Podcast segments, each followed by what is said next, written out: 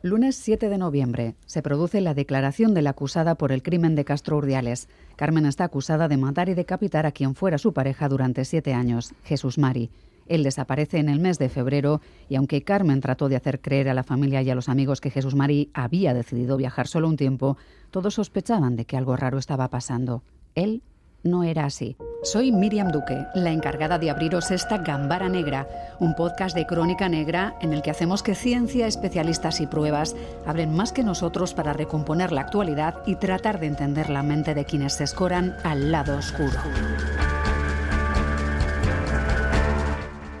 Pasan unos meses marcados por la incertidumbre hasta que un familiar, su primo, interpone una denuncia por desaparición, tal y como confirmaba en sede judicial el agente de la Guardia Civil que recogió la denuncia. Denunció primero un familiar de, Jesús María, Alfonso concretamente, que le recogí yo la manifestación, y se le hizo una llamada telefónica con posterioridad a ella, que luego se personó con posterioridad a esa primera denuncia. Esa denuncia podría haber puesto nerviosa a Carmen y precipitar los acontecimientos, es decir, sacar de casa la cabeza y entregársela a su amiga Mari Carmen bajo pretexto de ser juguetes sexuales. No quería que la Guardia Civil encontrara algo así estando su marido desaparecido. Reconoce que entregó la caja, pero nada más. ¿Entregó usted un paquete con la cabeza de su marido dentro a Carmen Mendoza? No, en ningún momento. ¿Le entregó usted en los meses de febrero, marzo, abril del 19 algún paquete? Sí. Durante el juicio, los agentes reiteran cómo el cráneo aparece en diferentes bolsas de basura, todo ello dentro de un neceser.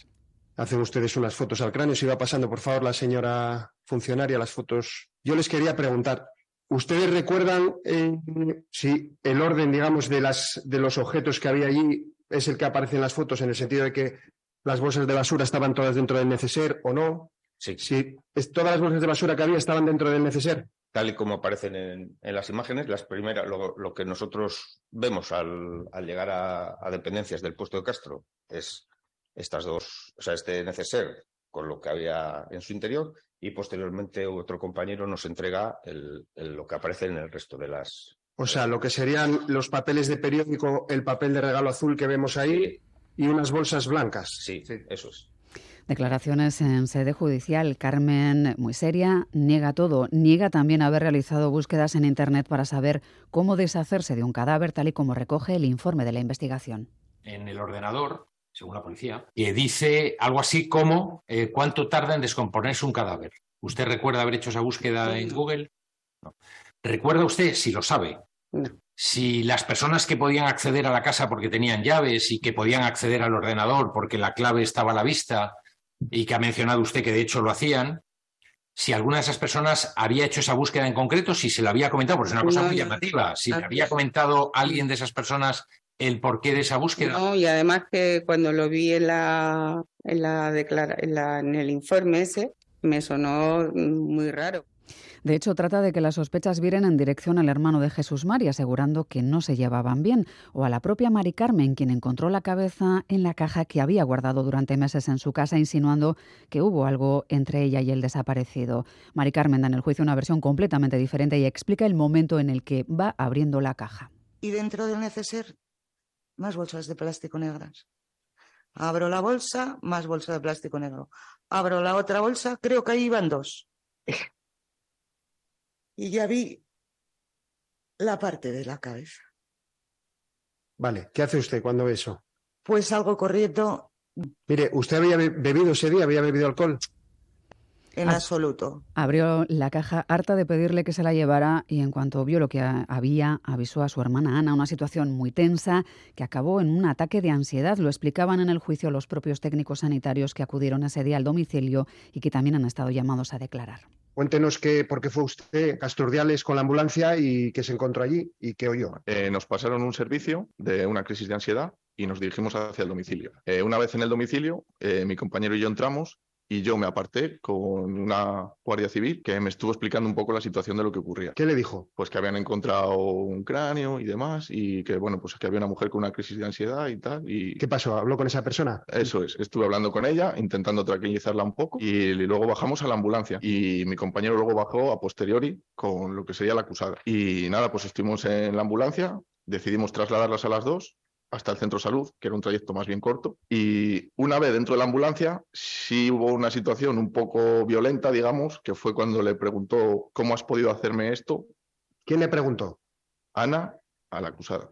Yo tengo un recuerdo de eso por la situación violenta que fue, porque en ese momento, de hecho, pensé, igual deberíamos haber solicitado otra ambulancia. La acusada y la hermana de quien guardó la cabeza durante meses en una caja van en la misma ambulancia. Carlos Basas es escritor especializado en novela negra. Carlos, ¿qué tal? ¿Cómo estás? Hola. También está conmigo Iñaki Rusta, jefe de la Policía Científica de la Archancha durante décadas. ¿Qué tal, Iñaki? Osondo. Bueno, complicado gestionar el ambiente en una ambulancia, Carlos. Eh, ya de por sí hablamos en este caso de una situación que se produce minutos después del descubrimiento de lo que realmente había en la caja. Sí, sí, es bueno. Yo, he sido voluntario de Cruz Roja muchos años y, nunca me he encontrado con una situación de este, de este estilo, pero, pero entiendo a, entiendo al, técnico que dices, bueno, es, verdad, igual debería haber pedido otra, ¿no? Pero claro, tú no lo sabes cuando, cuando te llaman a, un, a un servicio, a atender un servicio, no sabes cuál es la, cuál es la situación y a veces te encuentras con, con cosas pues eh, extrañas, como, como en este caso, ¿no? Que llegues, esté la Guardia Civil, te pongan en antecedentes de la situación y, y bueno, alucines. Hmm. No Iñaki, si echas de menos que, de menos que hubiera acompañado algún agente de la policía a, ambas mujeres en la ambulancia. O no, no, es el protocolo así. Digo, porque claro, una vez que se sabe quiénes son y, que probablemente hay un intercambio de, declaraciones que pueda ser útil, o no es lo habitual.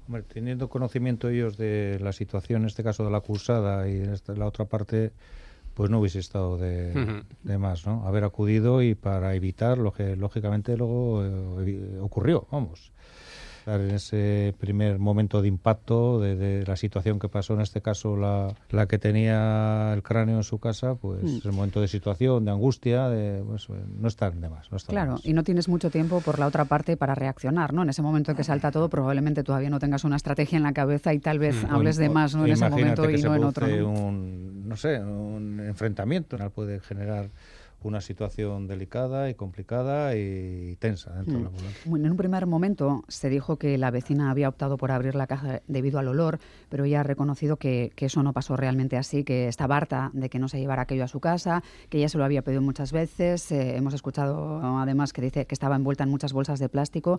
Supongo que todo eso luego hay que analizarlo milímetro a milímetro, ¿no? Todas esas bolsas, las posibles huellas, el posible material. Efectivamente, como ha estado declarando el técnico que hizo la, la hay que ir sacando elemento por elemento, evidencia por evidencia, bolsa por bolsa, periódico por periódico, fotografiando y dejando constancia que efectivamente ese era el proceso de, alguna manera de donde se encontraba eh, protegido el, cráneo en este caso, ¿no? y ir procediendo a realizar con cada una de las evidencias las técnicas necesarias, pues si estamos hablando de plástico, pues habría que analizar, pues eh, previa visualización con fuentes de luz, pues posteriormente habría que hacer con técnicas de cenoquilato y si estamos hablando de papel, en este caso periódicos, por lo que he entendido, pues habría que hacer mediante la técnica de nidrina para ver si observamos y revelamos huellas eh, datiloscópicas, ¿no? Que ha sido el caso, que en este caso lo que se ha revelado en el interior de las bolsas y demás han sido las huellas de, si no me equivoco, de la acusada. Mm. Habrá que ver eh, quién hizo aquel crucigrama, ¿no? que es una de las cuestiones que está sobre la mesa. Probablemente Carlos no aporte demasiado a la evolución del caso, pero claro, imagínate que ese periódico se ha cogido de un bar o de cualquier restaurante o de cualquier sitio y tú ese día estabas en el lugar incorrecto escribiendo ¿no? o haciendo un crucigrama, rellenándolo y, aparece en un juicio. ¿no? Supongo que es una de esas cosas que pueden pasar una vez en la vida o en un millón de vidas. pero Sí, hemos tenido casos de esos en los cuales eh, pues, han salido huellas, una serie de evidencias concretas y no veíamos en relación entre el posible autor del hecho con la identificación de ese individuo. Pero luego eso tiene su proceso de investigación y al mm. final se le busca una lógica sí, todo, sí, ¿no? Sí, pero el primer susto no el te primer lo susto no te lo lleva, Lógicamente ahí eso es eh, Mira, yo, mal trago. Sí, yo, yo, es algo que he comentado aquí más, más de una vez cuando hemos hablado de, de juicios eh, y que he estado siguiendo este, eh, escuchando las respuestas que ella da a cada una de las testificales, etcétera. hemos hablado muchas veces de la importancia del relato, ¿vale? frente a, a esas testificales, los peritos forenses, etcétera el acusado y su defensa deben ser capaces de construir un relato que sea capaz de eh, explicar cada una de las pruebas eh, que tienen en su contra de un modo convincente. ¿no? Pero como escritor, mm, yo destaco la importancia de que eh, construir un relato eh, tiene sus normas y sus reglas. Eh, ¿A qué me refiero? A que lo que sucede en la realidad no tiene nada que ver eh, con lo que puede suceder cuando tú construyes un relato. En la, en la vida real lo que tiene valor es la veracidad, es decir, lo verdadero. En cambio, cuando tú construyes un relato de ficción tienes que construir un relato verosímil. ¿Vale? y el intento de ella y de su abogado de, de construir un relato verosímil en este caso se desmorona por todos los lados. ¿no? Hay otros juicios donde si eres capaz de dar un relato alternativo que es verosímil y que es plausible. Pero en este caso eh, son tantas las pruebas eh, que mm, están en su contra que eh, el relato que ella trata de construir, de armar, para dar lógica a esas pruebas, no tiene sentido alguno, ¿no? Y eso es lo peor que te puede pasar. Pues volveremos a esas pruebas eh, y también a los datos de la autopsia, pero quiero saludar también a María Ruiz. Ella es perito informática autorizada de la empresa Kirutec. María, ¿qué tal? ¿Cómo estás? Hola, muy buenas. Bueno, eh, Carmen trató de evitar sospechas mandando mensajes en los que se habría hecho pasar por Jesús Mari tras su desaparición. Aseguró que en realidad, bueno, pues se le cayó el móvil, necesitó otro, de ahí ese nuevo número que le entregó al entorno de, Jesús Mari, pero el entorno seguía sospechando. No sé, María, si ya de entrada os parece normal que alguien alguien de baja un teléfono que no es suyo, si eso ya es una señal como para apuntarlo o tenerlo en la memoria o realmente damos de baja cualquier teléfono? Eso no haría sospechar a, un perito como es tu caso. No, realmente no sospecharíamos. Hoy día tenemos acceso fácil a nuevos números de teléfono, nuevos dispositivos, entonces no sé, se quedaría en anécdota. Si era Carmen la que mandaba mensajes suplantando a, Jesús Mari, que supuestamente eh, decía que estaba de viaje, ¿eso se puede saber? ¿Se puede comprobar si ese teléfono salió en algún momento de Castro Ordiales o nunca salió de esa casa? Eh, sí, respecto a la localización del dispositivo, sí. ¿Quién, ¿Qué persona está detrás del dispositivo? No. Si somos puristas, vamos a los hechos objetivos, a los ceros y a los unos. El dispositivo, el teléfono nos va a dar información, pues como acabamos de comentar, de la localización, de los mensajes, del contenido de los mensajes, pero no vamos a saber qué persona está detrás de de, esa escritura, ¿no? de, ese, mensaje propiamente. Claro, pero si yo, por ejemplo, eh, lo que te digo es que tengo un terminal en el que yo estoy mandando mensajes diciendo que son de una persona que está de viaje un poco, pues que ha estado en Lugo, en Pontevedra, que luego ha viajado a Inglaterra, por ejemplo, tú podrías saber si te doy el terminal que realmente soy, no, no sé que soy yo la que los manda, pero sí que ese teléfono ha estado continuamente sin salir de un entorno, que no ha viajado. Sí, el teléfono nos da mucha información. No directamente la aplicación de WhatsApp, pueden ser otras aplicaciones, eh, cómo se conecta el terminal con torres GSM, con redes Wi-Fi privadas, con redes Wi-Fi públicas, eh, otro tipo de aplicaciones que nos dan información de la localización. Eh, sí, entonces no sabríamos que es esa persona que está de viaje o que es otra persona, pero sí sabríamos dónde ha estado ese teléfono. Eso es, si yo digo que estoy mandando mensajes desde muy lejos, pero ese móvil se conecta desde una antena que más o menos está en un cierto número de kilómetros cercano de, un punto cercano, supongamos a Castro Urdiales, sabríamos que muy lejos no se ha podido mover ese teléfono. Eso es. Se puede saber también incluso si mm, yo desconecto la wifi, quiero decir, y si yo uso solo mis datos y quito la, la wifi para que no se sepa desde dónde sale, ¿se sabría igual? Sí, lo sabríamos a través de las conexiones a las torres GSM, otras aplicaciones eh, bueno, que indirectamente nos dan esa ubicate. Claro, luego hay otro, otra cuestión. En el caso de que alguien use un teléfono y vaya cambiando las tarjetas, eh, en unas eh, me hago pasar por mí, en otras me podría hacer pasar por otra persona, ¿se puede saber si ese teléfono ha tenido diferentes tarjetas SIM, si se han usado distintas tarjetas SIM? Sí obtenemos información eh, de los rastros que va dejando esa tarjeta SIM dentro del teléfono, dentro de la memoria del teléfono. O sea que en la memoria del teléfono se puede leer todo lo que hemos ido haciendo tarjeta por tarjeta que ya hemos metido, ¿no? Aunque usemos una solo para algunas cosas y luego la dejemos en una caja de seguridad, por ejemplo, tú lo podrías leer, ¿no? Sí, si me permites el inciso, a veces me da un poco de miedo generalizar sí, sí, claro. que también tenemos que ser conscientes de las limitaciones de la tecnología. Pero en líneas generales sí podemos hacer un, bueno, pues un mapa, ¿no? De lo que ha ocurrido con ese teléfono a lo largo del tiempo. Claro, ese, ese, mapa es en lo que ha, supuesto para las llamadas. Carlos, tú seguramente analizarías más eh, cómo escribimos, ¿no? La forma de expresarnos. Ya la familia alertó de eso, diciendo, Jesús Marino hablaba así, no usaba ese tipo de expresiones, diciendo, me voy a, vivir la vida o me voy eh, a conocer. Sabemos más o menos todos quién escribe qué cuando coge el teléfono a alguien y, por ejemplo, mm. su hijo pone un mensaje, ¿no? aunque sea mayor. Para que la gente se haga una idea, bueno, eso pertenecería a otra disciplina, a una lingüística forense, pero para que nos hagamos una idea, todos tenemos una cosa que se llama que es nuestra forma de hablar, nuestra forma de escribir. y eh, estudiando eh, textos comparativos puedes llegar a determinar eh, de una manera muy cierta si quien escribía esos mensajes era la persona que supuestamente los escribía o era otra. Por mucho que trates de imitar, si te limitas a sí, no, etcétera, incluso así se puede determinar si quien escribía los mensajes era uno u, otra. Hemos mencionado hace un momento una situación en la que me gustaría abundar, las búsquedas que supuestamente Carmen habría hecho en su ordenador, cuánto tarda un cadáver en descomponerse, cuánto tardo en cobrar la pensión.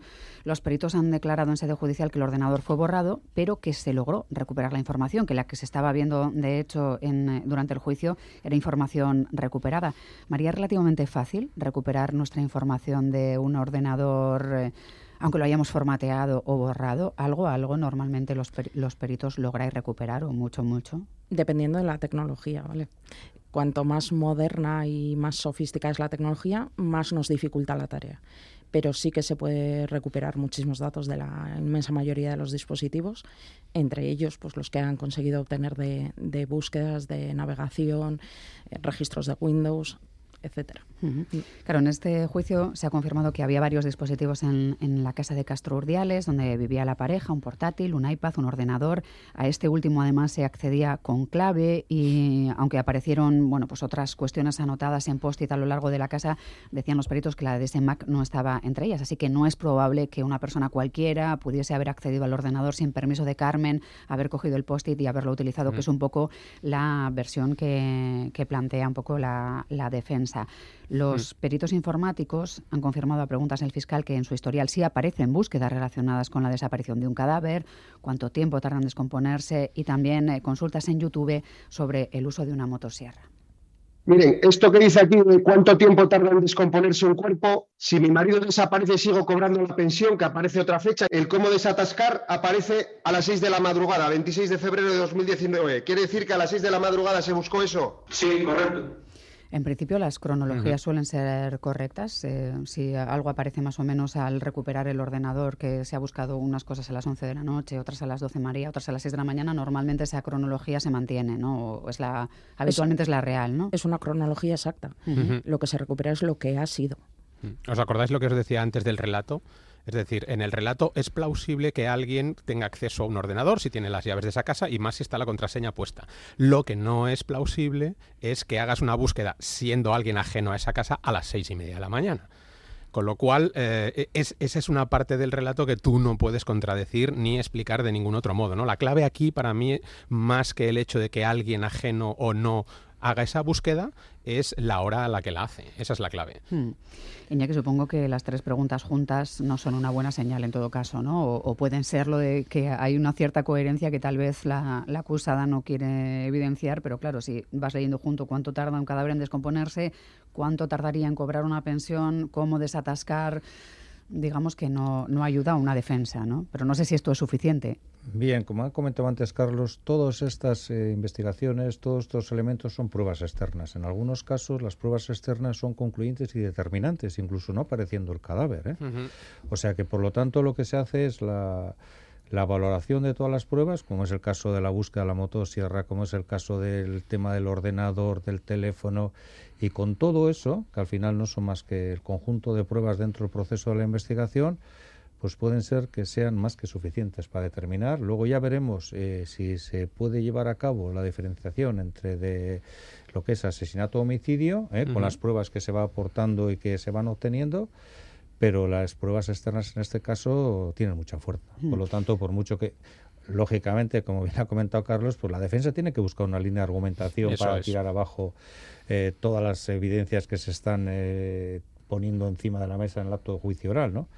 Porque no va a decir y no va a reconocer, para eso tiene el abogado pero son tan, tan fuertes y tan determinantes que lo tiene complicado. Lo tiene muy complicado. Es verdad, María, que a veces nos asustamos en nuestras casas cuando intentas mirar algo en el teléfono y te das cuenta de que sale la publicidad también en el ordenador y en el iPad. Es imposible hacer un regalo secreto, por ejemplo, en una casa poniendo una información que no vaya a ninguna parte.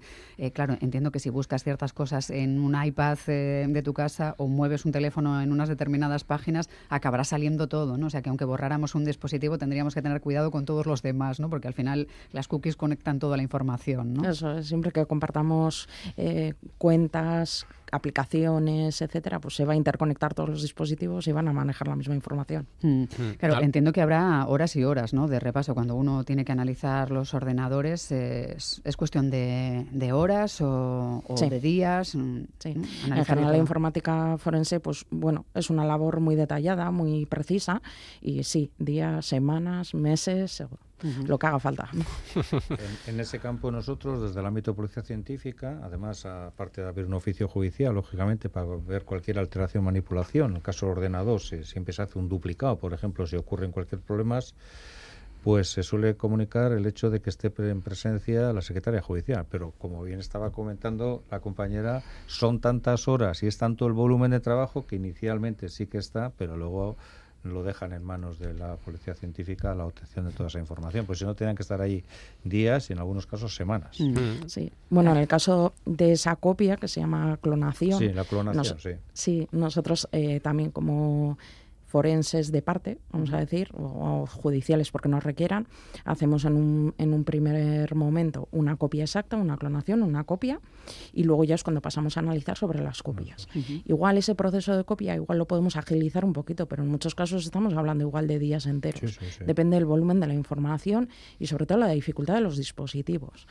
Eh, sí que igual como usuario tenemos usuario y contraseña, accedemos y vemos muchas cosas, pero como forenses utilizamos otras herramientas. Tenemos que, dar valor a esa cadena de custodia, tenemos que, asegurar y, corroborar que no hemos manipulado nada. Entonces, y luego, que tienes que ser, de alguna manera, un ordenador y mucha información en búsquedas, digamos, que no, no están relacionadas con el delito a todas esas se tienes que abstraer y centrarse únicamente en la investigación que estamos llevando a cabo. Mm. menos mal que nadie hurga en mi ordenador, aunque yo tengo una, una explicación plausible y lógica para determinadas búsquedas eh, como escritor de novela negra, pero algunas de ellas asustarían al más curtido. Claro, es, eh, las búsquedas son muy potentes y en función de lo que estés trabajando, investigando o analizando, pues es verdad que, pueden pervertir la imagen que alguien tenga de ti si solo eh, ve las búsquedas que, que has mantenido. María, ¿esto tiene algo algún tipo de carácter retroactivo? O sea, ¿se puede investigar lo que se ha mirado en un ordenador sin tope de búsqueda? Lo de hace un año, lo de hace dos, lo de hace tres, en principio. Lo que se mantenga en la memoria del dispositivo, sea un teléfono, sea un ordenador, todo lo que se mantenga en el disco duro del ordenador, en la memoria del teléfono, vamos a poder ver.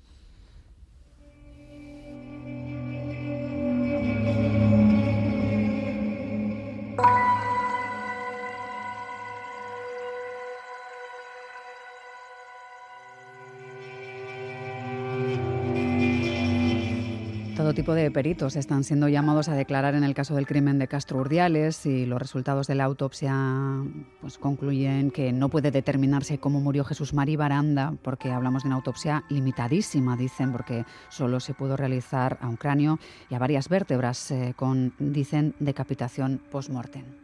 Son pequeñas, el sentido de uno otro, otro y otro en anterior, posterior, lateral derecho y lateral izquierdo indicaría más una decapitación, una maniobra de decapitación post-mortem. Hablan de un objeto de filo no cerrado, probablemente un cuchillo a la altura de la tercera vértebra. analizan también eh, cómo esa cabeza habría sido manipulada, sometida a calor, especialmente en la parte derecha. Esta manipulación evitaría, decían, la putrefacción y facilitaría el desprendimiento de tejidos blandos. También han declarado los psiquiatras forenses eh, que dicen no aprecian indicios de psicopatía en la acusada. Nosotros como médicos forenses hemos descartado la psicopatía y eh, el test descarta la psicopatía y el informe del médico psiquiatra eh, asistencial del Hospital Universitario Marqués de, de Valdecilla también descarta la psicopatía.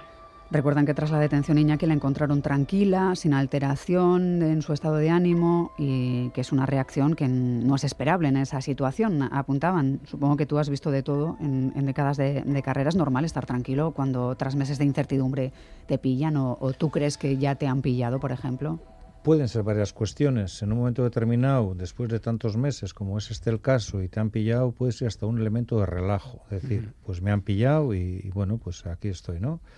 Eh, generalmente sí suelen actuar. Hay mucha presión para llevar, eh, ocultar toda esa actividad que ha desarrollado y sí que es un elemento importante el tema de malentendido, pues me relajo y bueno, pues esto es lo que hay y a partir de ahora lo que venga, ¿no? O ya no puedo correr más, no, no sé si tanto relajarse, sino como la huida hacia adelante acaba aquí, ahora hay que defender. No puedo mentir más, no puedo manipular más, ya he hecho bastante y bueno, pues he cometido un error, que fue el tema del cráneo, y a partir de ahí, bueno, un error, depende.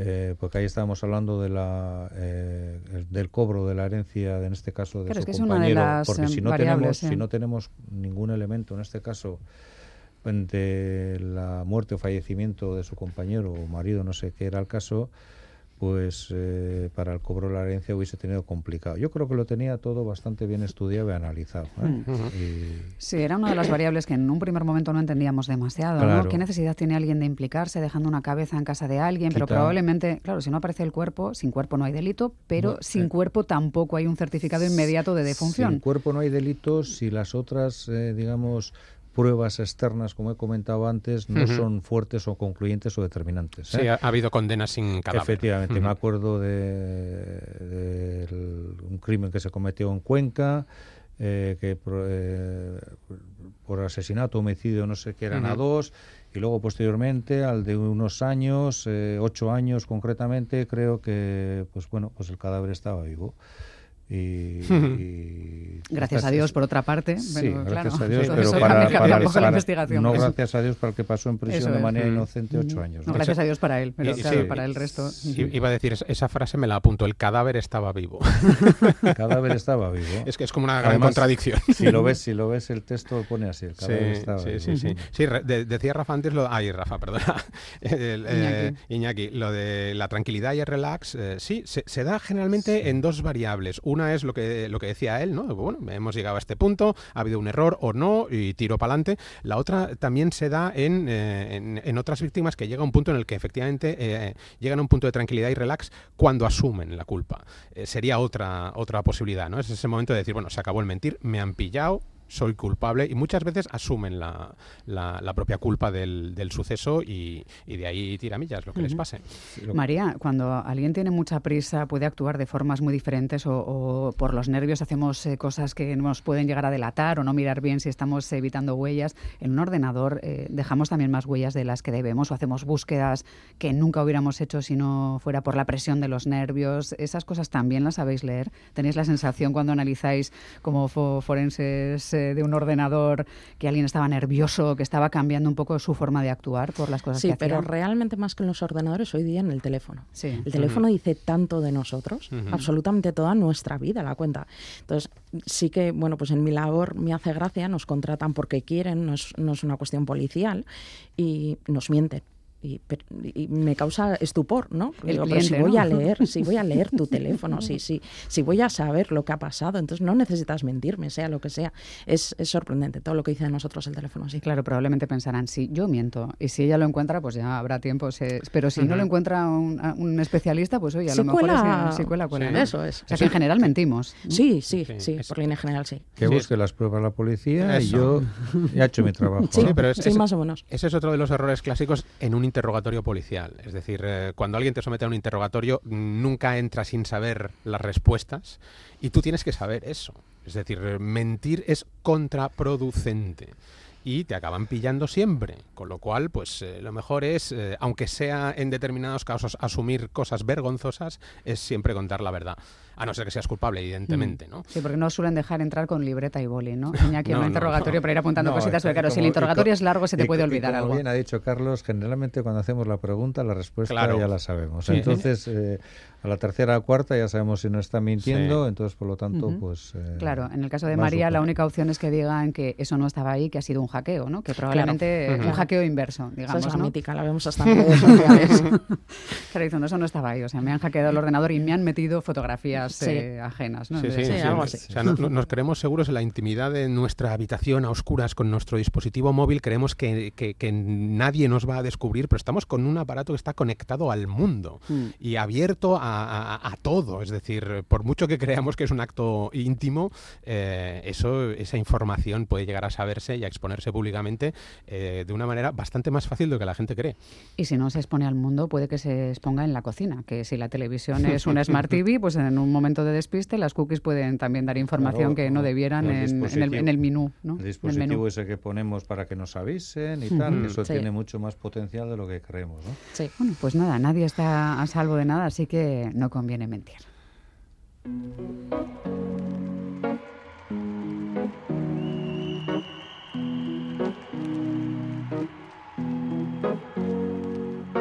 Here's to the ones that we got.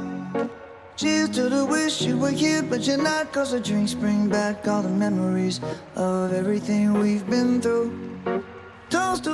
Y en basado en hechos reales, eh, hoy un matrimonio de los que no será fácil encontrarse en la vida. estamos hablando de un documental llamado Killer Sally. Narra la historia de Sally McNeil, una culturista de éxito y madre de dos hijos, casada con Ray McNeil, un compañero culturista al que mató de un disparo el día de San Valentín de 1995, algo que ella siempre ha definido como un acto de defensa propia. Eso sí, un jurado la declaró culpable de asesinato en segundo grado. Un jurado decidirá el destino de Sally McNeil, la culturista acusada de matar a su marido, también culturista, el año pasado en San Valentín. Tendréis que ir a un centro por lo que le he hecho a papá. Sally McNeil tiene un físico espectacular. Su marido es el también culturista Ray McNeil, uno de los culturistas profesionales más musculados del mundo. Me recordaba a la estatua de David. Pura belleza. Fue atracción a primera vista. La que llevaba el pan a casa era Sally. Hacían cosas muy raras. El culturismo tiene una cara sórdida de la que nadie habla. Pagar por lo que se conoce como la veneración al músculo. ¿Qué ocurre en el mundo del culturismo, Carlos? Que, se denuncia más allá del abuso de esteroides que ya se menciona más o menos en el tráiler. Bueno, eh, la verdad es que esta historia empieza con ese crimen en la noche de San Valentín del año 95 y envuelve a este, a este matrimonio de, culturistas, no solo culturistas, sino exmarines eh, los dos. Ella aduce que, bueno, mm, eh, lleva tiempo siendo sometida a maltrato sistemático por parte de, su marido, al que, eh, es cierto, mantiene para que él pueda eh, seguir adelante en su carrera y le paga, se dice además de forma muy explícita, le paga los cinco o seis esteroides que tiene que tomar habitualmente y que eso contribuye a volverle violento y cambiarle el carácter. ¿no? El problema que tuvo Sally McNeil fue que su caso eh, sucedió a principios de los 90, cuando todavía no existía en la opinión pública esa idea generalizada de que una mujer podía tener estrés postraumático por eh, ser sometida sistemáticamente a maltrato. El hecho, además, de que ella fuera una mujer fuerte, es decir, físicamente eh, era una culturista, aunque no era muy alta, contribuyó a que la gente no se creyera que eh, a esa mujer la podían pegar como a cualquier otra, ¿no? Es decir, no vieron indefensión en su caso, aunque su marido la triplicaba en volumen porque también era uno de los culturistas más grandes de, de Estados Unidos. Sin embargo, el hecho que jugó más en su contra fue que eh, no solo dispara al marido una vez, eh, dice que eh, Ray se abalanza sobre ella, la intenta estrangular, con los dos hijos en casa, no debemos olvidarlo, los hijos además testificaron diciendo que, bueno, que efectivamente la estaba ahogando, que lo oían todo, etcétera, sino que una vez le ha disparado y él está ya herido de muerte en el suelo, va a la habitación, coge otro cartucho y le vuelve a disparar en la cara, ¿no? Ese hecho fue crucial en el juicio para que no la condenaran en el, el, equivalente aquí a asesinato premeditado, pero sí con eh, lo que sería un homicidio. Hay asesinato en, segundo grado. ¿no? Hay la defensa propia ya. Bueno, cae eh, descabalgo. No, eh, el, problema es que la, no se aceptó el hecho de que, aunque tú vuelvas a coger otro cartucho en ese momento, a recargarlo y le, dispares, puedas seguir siendo una mujer maltratada. Me explico, es decir, e, ella llevaba tiempo sometida a, ese, a esa relación de terror. Y, bueno, esa noche, por lo que sea, eh, decidió terminar con todo aquello eh, una vez su marido se abalanza. ¿no? Eh, mm, una vez más, lo decimos siempre, eh, otra de las cosas que jugó también muy en su contra fue su reacción durante el interrogatorio y durante el juicio. ¿Os acordáis del caso de Rocío Baninkoff? Donde ella no expresa o no tiene esa cara de mujer doliente delante de la opinión pública. En el caso de Sally McNeil fue exactamente igual. Era una mujer que había sido sometida anteriormente por parte de su familia y sus padres alcohólicos a maltrato sistemático. Eh, se crió en un ambiente de violencia y ella lo que hacía era eh, aplicar o tratar de responder con, con esa violencia porque era lo único que que, había aprendido. ¿no? Y eso jugó absolutamente en su contra, porque en, ningún momento se, se mostró tampoco como una mujer débil y doliente. Y la opinión pública la castigó por ello. Pues eh, Killer Sally, la culturista asesina, es la propuesta que hoy nos deja Carlos Basas en este basado en, hechos reales. Como siempre, Carlos, muchísimas gracias. A vosotros. Gracias también a Iñaki Rusta por los análisis y también a María Ruiz. Ella es perito informática autorizada de la empresa Kirutec y nos ha enseñado que no es fácil borrar tus huellas en tu dispositivo por más que lo formates. Así que, bueno, lo mejor es portarse bien, que es un poco la línea que mantenemos aquí. Muchísimas gracias. Qué ricas con María, ¿eh? Hasta la próxima, Iñaki. Muy bien, casco.